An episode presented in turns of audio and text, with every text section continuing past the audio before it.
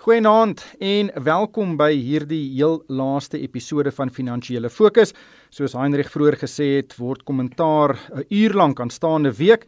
Uh, ek sal egter steeds elke weeksaand tussen 6uur en 7uur RSG geldsaake aanbied. Maar kom ons kyk vir oulaas na die week se belangrikste sake nuus. My gaste is saam met my in die ateljee Theo Forster. Hy is van Galileo Capital. Goeienaand Theo. Goeienaand Ryk en ook Lulu Kriel, sy is die hoofekonoom by PwC in Afrika. Goeienaand Lulu. Goeienaand Ryk, goeienaand Theo. Theo, kom ons begin by die president se toespraak vanaand. Uh Suid-Afrika beweeg na 'n aangepaste vlak 4. Daar's verskeie nuwe inperkingmaatreëls om die verspreiding van die virus te beperk. Wat dink jy gaan die ekonomiese impak wees? Ryk, ek dink die president het duidelik probeer om die klem te skuif na 'n sosiale inter interaksie tot die minimum te beperk en daarmee saam alles in sy vermoë gedoen om die ekonomie soveel moontlik aan die gang te hou. Uiteraard met hierdie uitperk inperkings is daar sektore wat gaan verloor en hier's die toerisme sektor, gasvryheids, restaurant, drankbedryf gaan verloor. Ons kan nie daarby verbykom nie. En die wenners gaan seker wees, ek dink ons gaan seker die ouens wat met hierdie afleweringe bromponies rondry gaan uh, gaan baie aktiewe ure hê tussen 6 en kom ons sê 8 uur elke aand. Maar ek dink dis heeltemal anderster as wat ons hierdie inperkings gesien het 'n jaar of wat gelede. Ehm um, waar dit amper waar die ekonomie se prioriteit nie op gefokus is nie. Hierdie keer is dit duidelik dat die ekonomie moet soveel as moontlik aan die gang gehou word terwyl die die fokus is eerder om sosiale interaksie soveel moontlik te beperk, maar dit gaan 'n impak hê. Ons gaan nie daarbey verbykom nie.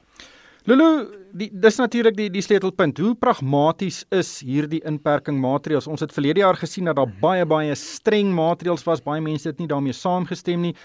En dit lyk nou asof uh, die regering geleer het daaruit en dat die regulasies wat nou vanaand aangekondig is baie meer pragmaties is en dalk die skade kan beperk. Ryk is heeltemal reg. Ek dink hulle het tog geluister en ons het lesse geleer. Ehm um, ek dink ons weet ook ehm um, watter dele van die ekonomie ons aan die funksioneer moet hou op een of ander manier en aan die gang moet hou um, om om te bly um produkte genereer en verkoop ensovoorts. So ek dink vir ons byvoorbeeld verlede jaar omtrent al die winkels toegemaak het, net kosverkope gehad het en so aan. Um ons sien nou nie daarvan nie en um ek dink ook byvoorbeeld aanlyn verkope soos soos Theo gesê het, hierdie afleweringsdienste het 'n uh, absolute fenominale groei die laaste paar jaar of die laaste jaar gehad en baie van hulle is ook baie beter voorberei. So daar's definitief 'n baie meer praktiese manier om na, om na dinge te kyk, maar ja, ons het so vinnig sommetjies gemaak en uh, ek gaan versigtig wees, maar ek dit kan so 1 persentasiepunt omtrent 'n verskil maak in terme van ons groei vooruitskattinge wat ons gesien het. Ehm um, dit hang natuurlik af hoe lank die ehm um, inperking uh voortduur en uh weet by ons op vlak vlak 4 wanneer gaan ons af na vlak 3 toe?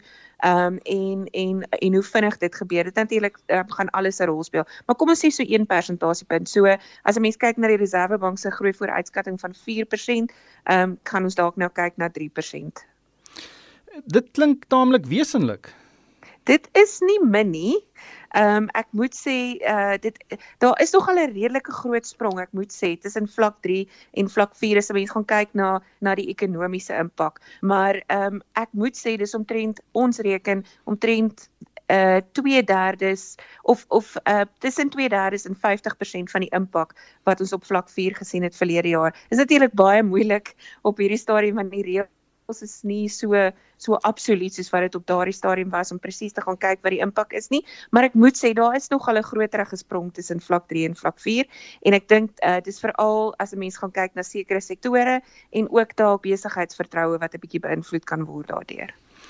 Ja, sien dit was ook opmerklik dat die president baie daarop klem gelê het dat mense moet die maatreëls gehoorsaam. Uh daar's baie mense wat nie maskers dra nie, daar's baie mense wat in groot groepe bymekaar kom en dan nie sosiale afstande handhaaf nie. En en ek dink dit is ook kritiek belangrik. Mense kan die strengste maatreëls sê, maar as dit nie nagekom word nie, gaan dit niks beteken nie. Ryk ja, hy het die president het duidelik gestel as vir 14 dae dan hersien word, maar ek dink wat hy hier genoem het wat ons mooi moet verstaan is hierdie 2 weke inperking is om 'n ketting te breek. Dis amper om die om seker te maak dat jy sit iewers 'n breuk hier in sodat die sodat die ketting van oordrag kan stop. En daai punt is jy's heeltemal reg.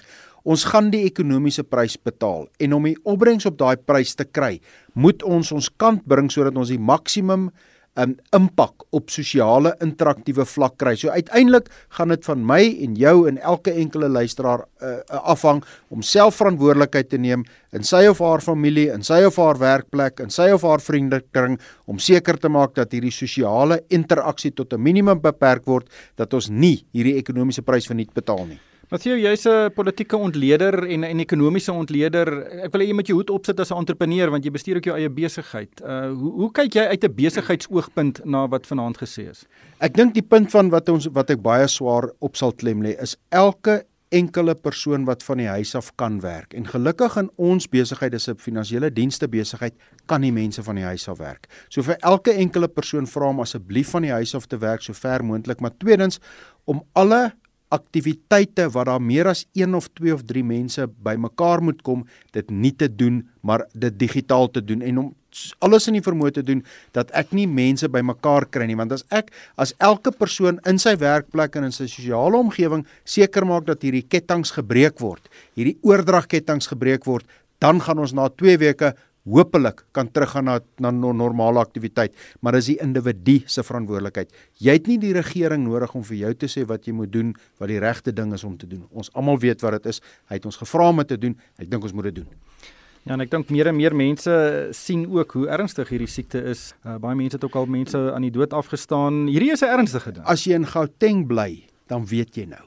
Dis nie meer nommers en syfers nie dis nou name en vanne en is vriende en is familie. As jy in Gauteng bly, weet jy dit.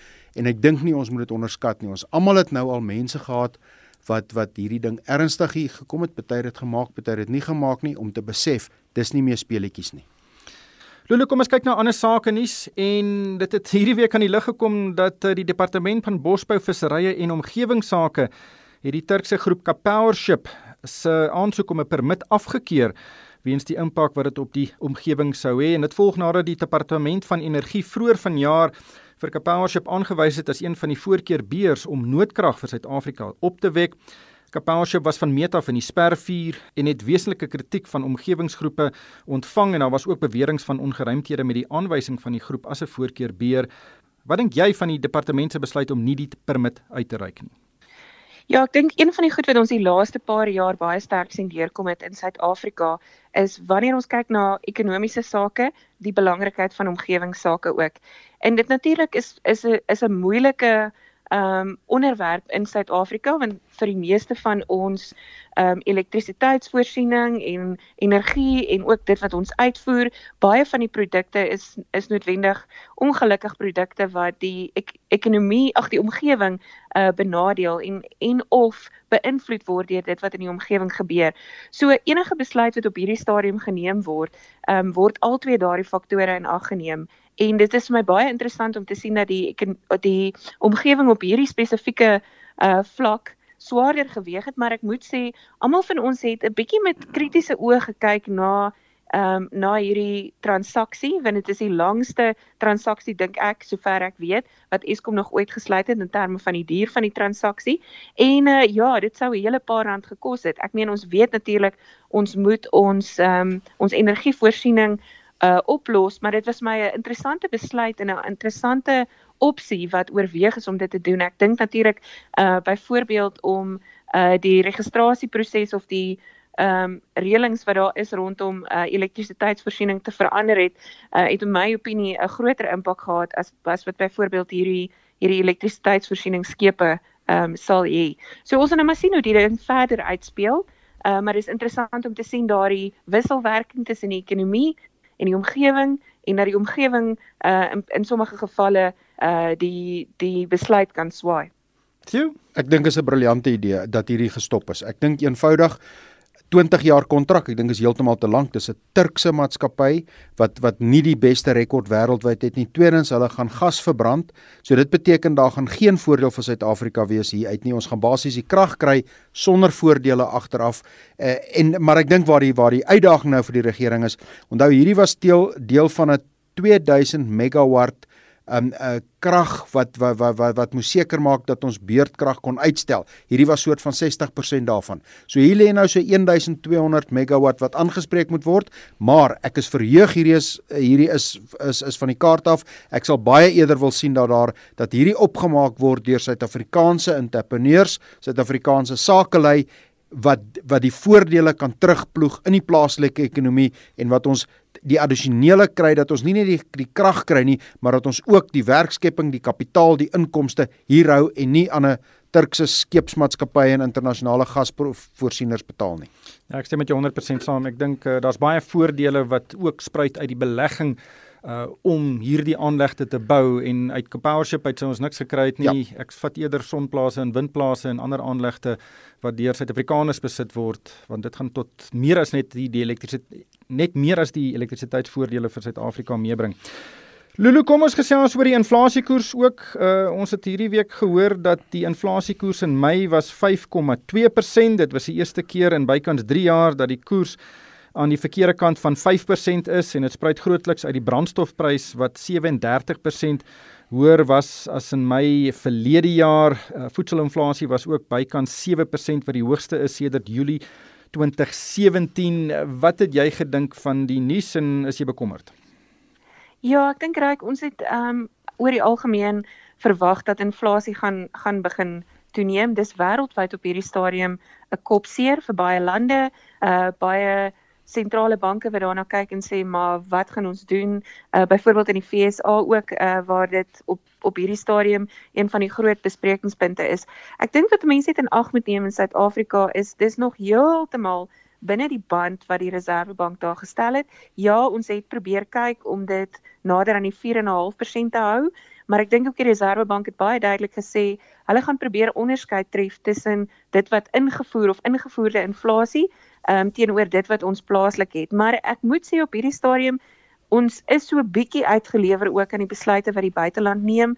Ehm um, as daar 'n baie vinnige toename in rentekoerse op ander plekke is, uh, kan dit natuurlik lei tot kapitaaluitvloei vir Suid-Afrika. So dit is iets wat ons uh wat ons fyn dop hou. Maar ek dink nog steeds dat die Reserwebank gaan probeer om ons rentekoerse vir so lank as moontlik so laag as moontlik te hou en uh, die die ehm um, hulle gaan hulle gaan regtig probeer om onderskeid te tref tussen dit wat uh plaaslik gegenereer word versus dit wat van die buiteland af inkom. En ekonomiese groei ehm um, is op hierdie stadium iets waarna ons baie sterk moet kyk veral gegee dit wat ons vroeër vanaand gehoor het. So ehm um, ek ek sal maar wag en kyk op hierdie stadium maar ons sê nog steeds dat ons waarskynlik teen vroeg volgende jaar eers uh rentekoersverhogings gaan sien en dat dit klein bewegings van die Reserwebank gaan wees.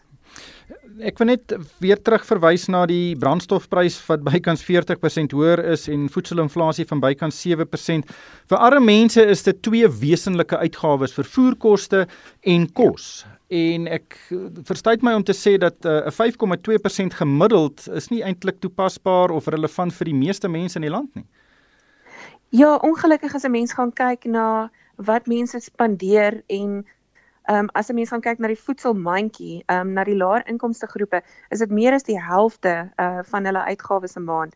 So ongelukkig op hierdie stadium sien ons dat die inflasiekoers ek vermoed vir laer ehm um, huishoudings of laer inkomste huishoudings waarskynlik heelwat hoër is en ons gaan uh, mettertyd ook sien ehm um, dat dit uh, in die vervoerkoste byvoorbeeld in taksies en so aan gaan duidelik word op hierdie stadium soos Theo gesê het, baie van ons is in die posisie waar ons van die huis af kan werk. So ons voel dit miskien nie so in ons sakke soos wat mense dit voel uh, wat elke dag op die pad moet wees en van taksies en so aan gebruik maak nie. Maar ja, dit dit is ehm um, dis 'n dis 'n groter bekommernis dink ek en op hierdie stadium kan ook ehm um, meer seer maak amper as wat rentekoersverhogings kan. Sien dan net laastens, dit is einde Junie, kan jy dit eintlik glo? Dit is hierdie jaar is besig om te vlieg. Uh, hoe het die markte die afgelope 6 maande vertoon? Ryk eintlik was die begin van hierdie jaar sover baie goed vir beleggers. Die JSE algehele indeks is op met rondom 11%, bietjie meer as 11% as jy dividende bytel. So dis 'n baie goeie jaar en as jy dit teen die agtergrond sien dat ons grootste enkele aandeel Naspers is af met so wat 3%. So dis eintlik was dit 'n baie goeie periode. As jy hom verder trek, die rand is sterker so 3.5% sedert die begin van die jaar. En as jy vat die gewone uh, luisteraar wat het sy 'n pensioenfonds of 'n belegging het, die gewone gebalanseerde fondse sedert Januarie op met rondom 10% en 'n konservatiewe fonds, dit wil sê 'n lae aandelehouding, blootstelling is op met sowat 7%. So beide van hierdie fondse in 6 maande is hierdie beleggingsklasse doen almal presies wat mense verwag het. So is eintlik 'n baie goeie periode. As jy die JSE byvoorbeeld terugvat na die vroeë Januarie 2020 voor die pandemie, is die JSE nou as jy hom nou vat, is hy op met rondom 15% wat eintlik 'n goeie periode is as jy vat met al hierdie dalings wat ons tussenin gesien het. So selfs met al hierdie onsekerhede het beleggers nie sleg gedoen mits jy gehou het by jou langtermynplanne nie. Ja, ek het gaan kyk hier is eers 'n indeks van alle aandele 11,4% hoër. Uh, die Dow Jones 12,5% op, die S&P 500 14%, so die Amerikaanse markte het regtig baie goed gevaar, maar in terme van ontleikende markte, die Hang Seng indeks in China 7,5%. Hmm. Uh, so en en nou as jy hom nou meet in Amerikaanse terme, onthou die rand is 3,5% sterker. So eintlik het ons mark baie goed gedoen en dit was 'n goeie 6 maande vir vir beleggers. Ja, ons het die jaar begin op R14.70 teen die dollar en nou staan ons op R14.14 sent en ons het ook 'n draai gaan maak by R13.50. Ehm um, so jy gaan altyd daai wisselvalligheid kry, maar ek dink uiteindelik was dit 'n gegeewe die omgewing as jy vir my in die begin van die jaar gesê het in die helfte van die jaar gaan alle indekse gemaklik bo inflasie wees, so ek vir jou gesê het wel dan sal ek dit vat. Ongelukkig hierdie tyd ons ingehaal en ons sal daar moet halt roep. Baie dankie aan my gaste vanaand. Dit was Theo Forster van Galileo Capital en ook Lilo Krugel. Sy's uh, van PwC. En dit was dan die heel laaste episode van Finansiële Fokus. Ek het vanmiddag bereken dat hierdie omtrent die 428ste episode was wat ek hanteer die afgelope 8 jaar of wat. Van aanstaande week af sal Heinrich Weingart se kommentaar vir 'n volle uur duur. Ek sal steeds elke week aand tussen 6uur en 7uur RSG geldsaake aanbied, so skakel gerus dan in om op die hoogte van die jongste sake nuus te bly. En daarmee groet ek vir 'n laaste keer van my ryk van die kerk. Baie dankie vir die saamluister en ek hoop werklik almal het 'n winsgewende week.